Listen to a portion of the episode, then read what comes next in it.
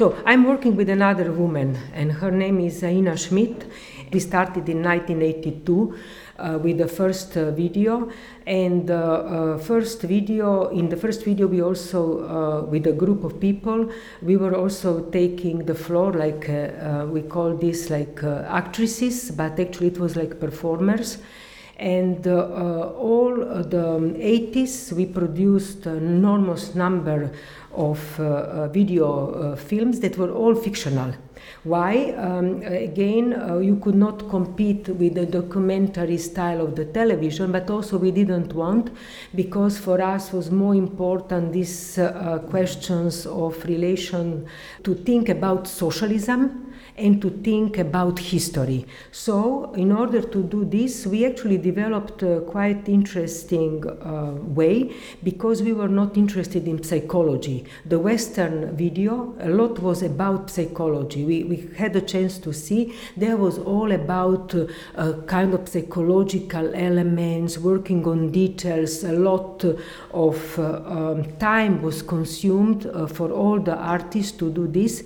We first didn't have technology. We had only at the very initial uh, time we had only one VHS. So we developed first to make everything and editing in the camera, and then we discovered that exist actually these brother Kuchars the, the, the George Kuchar uh, from California that were doing the same, but intentionally. We were doing because we were pressed by the conditions. And then also, in order to question where we stand from um, uh, socialism, we decided actually to make a lot of rec- reconstruction and appropriation. So, practically, if you work, look to our work until today, but differently, but in the whole 80s, you have only analysis of film, um, uh, political situations in which we play. And uh, for example, one of the work we did in 1984, uh, 1984, so it's really 30 uh, years ago. Uh, it was uh, a kind of uh, revenge, I will say, from socialism because at that moment around ex Yugoslavia was coming this huge exhibition by the US called Back in the US. It was the biggest show in the 80s when the American art started to press on Europe and bringing actually mass media. So it was Jonathan Borofsky, all these big names. And in between them was also Cindy Sherman. And Cindy Sherman is a super known. And uh, this uh, could not come to socialism because it was no money, no market. Uh, and we took the catalogs and we actually uh, redone copied literally all the works from the show and uh, because I, I, we were working with video, uh, I did all the uh, reappropriation and reconstruction of Cindy Sherman. So when you look the video, you see Cindy Sherman um, as much as faithful, but with uh, elements, because our idea was never to copy, but it was always the question what is the original in terms of what is actually the value of uh, contemporary art. So um, this then started to go on. We, we use a lot of works by Komar and Melamid. We did uh, um, analysis of Hitchcock, and uh, this was the 80s. The 80s was really about the analysis of film. We were very much connected with the gay community uh, in uh, Slovenia because I was running a gallery and we organized the first coming out of the gay community with the title Homosexuality and Culture. This was, you can imagine, 1984, a pure revolution also for the West. And also, what we did, for example, one of our work was very key um, that we uh, discovered that some films were put in bunker by uh, the social uh, by Slovenia, uh, ex-Yugoslavia. Why? Because in one film uh, that was the most remarkable that nobody could see in this film for the first time you have the relations to Catholicism, uh, the the church and church was forbidden in terms it was out and also it was about uh, no heroines was ever in films. They were all around men. So we actually took one of the leader uh, acting uh, like um, uh, somebody from the film that was like of um, not really central, and we actually found the uh, woman who was doing the mask for the original film from the 50s. She was still alive and she actually redone us like we will be part of the film. And we found the censor uh, very important censor the um, sentences that was actually put out of the screenplay. So we really work onto the uh, structure of experiment film and the relations to video. So we actually uh, made a new life for the film. Of course, the uh, family of the, um, the director they freak out they sue us. Uh, the television didn't want to show, but the film was actually super important because we used the blue key and all this technical stuff that were actually at the uh, television in socialism, but nobody used this because the television was only for a political prime time news. And all the technology was there untouched. So when we enter, and we enter only two days for a work, so we had to prepare everything in, on paper. So we developed an unbelievable way of working. Everything was on paper, everything was done mentally, rehearsed, and then when we came there, we should do this in eight hours, literally. And we had the whole group, so we could use all the technology and many of the uh, things that happened just parallel. I remember in Paris, I discovered afterwards uh, they were actually doing similar things but completely with other. They were um, very much into these details and while we were really making narratives of political and um, uh, artistic questioning. So we had text uh, we were uh, working with this. So this was quite uh, an interesting uh, period that was also connected very much with the tradition of socialism. So we for example reconstructed hitchcock in socialism. So these things are accessible. Unfortunately, uh, it's also no interest uh, from uh, how to explain. It's uh, because the market uh, and uh, it will be a problem for I will say for West historiography that knowing that something like this was going on while they actually export their big names, especially video was very much present in France because there was the uh, tradition of theory and they were writing very much what are the expectation of video. Today it's not this differentiation because we use in the we live in the digital time. And then the 90s was all about the war in the balkans. What this means one moment we decided it's finito the war started we practically it was announced on the radio it was uh, quite uh, an unbelievable um, experience, I will say. With now I can talk, but when I remember uh, one day you switch the television and then they say the war started, and then you read text from Paul Virilio, and it was it's really unbelievable um, historical moment, uh, and everything was a taboo in the war in the 90s because all the news were actually hidden and nobody uh, uh, was aware we knew, but on the prime time it was a, a, huge mystification. Who is doing what? Why is going on? So, uh, because of our ties before with the television, we knew the cameraman. For example, they went to Kosovo in 1989 and in Kosovo started practically the uh, end of ex-Yugoslavia because there was the biggest uh, violence against the Albanian uh, or Kosovars uh, population. They were really uh, segregated, put under key onto the agreement of every other politicians from ex-Yugoslavia uh, so when uh, we realized what's going on, uh, just before uh, the start actually of the war in Slovenia in 1991, we made a video onto these materials that we could get from uh, hidden because this was not shown on the television. And we showed these things everywhere outside. Socialism was very funny because they didn't think about culture they didn't know what to do with culture. They were only thinking about uh, politics. So uh, practically, we could do uh, many things in culture. Really, a lot of uh, we were really postmodernists before postmodernism uh, started. Today, it's passé, has no meaning. And this was the 90s. All this analysis, every war, we did one uh, experimental video, and I think we were the only one with Aina because nobody was uh, interested. It was the radio student, really very much talking about the war. They were super important, and it was uh, different groups, but it was the end already of Yugoslavia. And then after um, in 2000 until now, we are only working with uh, capitalism. Really strongly, the analysis of capitalism colonialism, fascism that is coming uh, abundantly, uh, Europe that is, and what means democracy, what means actually being a migrant. And so this is the topic, and they are developing along uh, maybe less and less uh, fiction, but not documentary, because documentary is also type of fiction.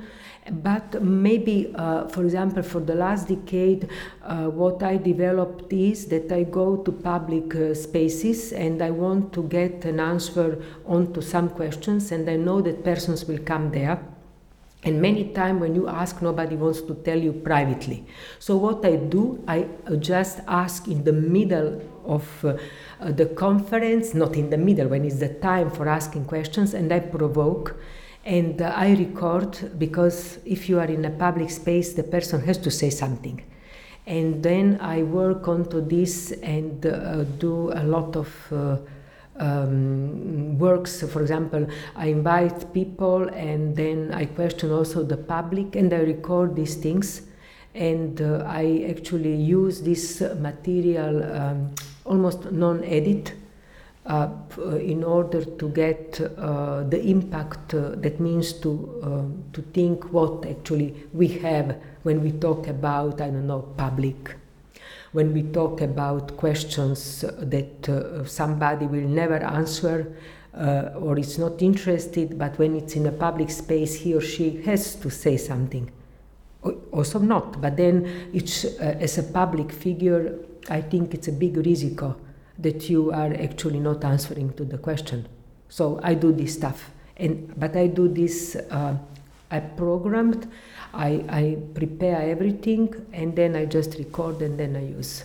So this is uh, the sum of of the changes or maybe ways that uh, this documentary element is pretty present. But again, it's all with politics, it's with uh, specific figures, with specific uh, moments, also uh, specific materials, and uh, the question is what that you can maybe say some things in experimental form that you will never be able to say in a feature film, but also because uh, many of the things are done uh, with a very small amount of money. All these questions of this dystopia is also connected with new media technology. And I, I am not against new media technology. I think uh, we cannot uh, behave uh, that this is not also our condition. What I see is that uh, many media technologies actually facilitate many things uh, simply to say uh, you get uh, information uh, and through this you can uh, build a community on very temporary based for rethinking or changing and so on.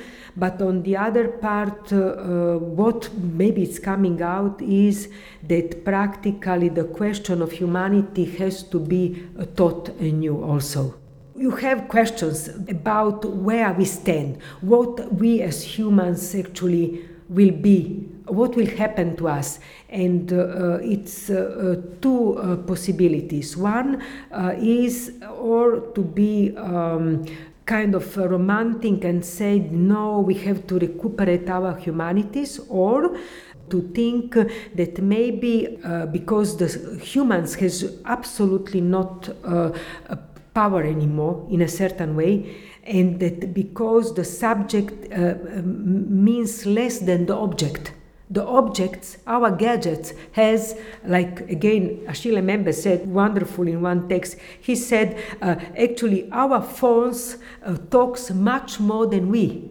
They talk in between them. They have actually all the empathy. We just use them to get a little bit of what they exchange. Alexander Weheliye uh, from New York uh, said practically uh, the humanity that we have um, is actually just an Occidental myth. So it's a white Occidental myth of uh, humanity because we see absolutely processes of dehumanization on every corner. Everything is about dehumanization. So maybe uh, he said also the category of the human has to be uh, a total new. We have to think of humanity or the human otherwise. That means the human has to be reinvented. Why I'm saying all these things because the moment that we live, a lot of uh, possibilities for us humans being treated as children not capable to have affectivity or being with all this old affectivity uh, and really put upside down maybe one of the possibility uh, that I, I found really important is the possibility of making a struggle to rethink all uh, these old uh, concepts that are actually not effective, but they are now put in front of us. The politicians in the EU they talk about human state, uh, all these old things, while the thinking uh, uh, that um, wants to change something, put the things upside down. Said no, human, the human otherwise. So the vocabularies, in a certain way, uh, they really travel and they brings the new notion opened the possibility to actually uh, rethink.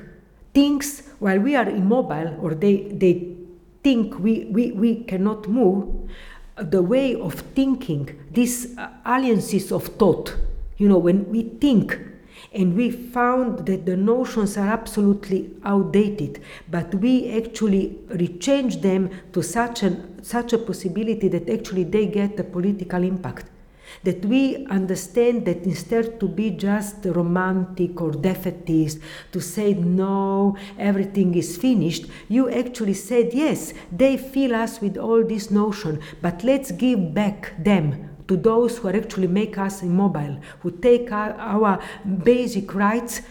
Let's uh, make uh, them tremble with a possibility to absolutely take this and put apart and construct a vision inside that conceptual apparatus that then open other possibility to things. This is how I see. Uh, this is one uh, topic, and the other topic happened when I was watching uh, the last film on the replicants, this uh, replicants Blade Runner 2049 that we know all. And this film for me was very interesting, uh, not because of certain um, invention, but precisely because I could make uh, the difference between the last sequel and the first one in 1982. The most sophisticated uh, last sequel actually used holograms for bringing us in the past. And it seems that this hologram, that is an old technology, really old, actually uh, it's uh, possible for us to identify. So we are like uh, suppressed, so like our affectivity is uh, stay in another time while the technology is going on. While in 1982, paradoxically, it was an absolutely obverse why? Because in 1982 we could learn what will be the future, I will say, of video, and we used the video in such a way. There was this uh, primordial forensic when you have the image that uh, it's read uh, fr- from the first computer in 1982, when you can see uh, how they actually read one image after the other and actually making in such a way that from a grow you are coming to the details. This was the fascination of the new technology of the computer. The computer uh, gave you at that point this idea that from something total you can come to the smallest part that is there in the image, but with your eye you cannot see this. And this was the most uh, remarkable thing that we could think what the technology will bring for us. It was really a prosthesis, but in the best way, uh, because you could see layers uh, of uh, realities that are around you, but you didn't know before and they were actually already there in the image. What happened today in last year when the film was produced, it's a paradoxical thing. You have a totality of the hologram that is an old technology and you have no uh, any kind of uh, new uh, possibilities to think a better future or to think another future, to think a knowledge for everybody but you have just a psychological drama of some uh, father that are again re-emerging all this i will say this whiteness of the occidental world uh, in searching of the lost myth and so on. And these two situations uh, gave me that we talk about also two different time. One in the 80s was a certain utopia. Doesn't matter what kind but it was an utopia. Practically the last film is a pure dystopia. It's a time without a future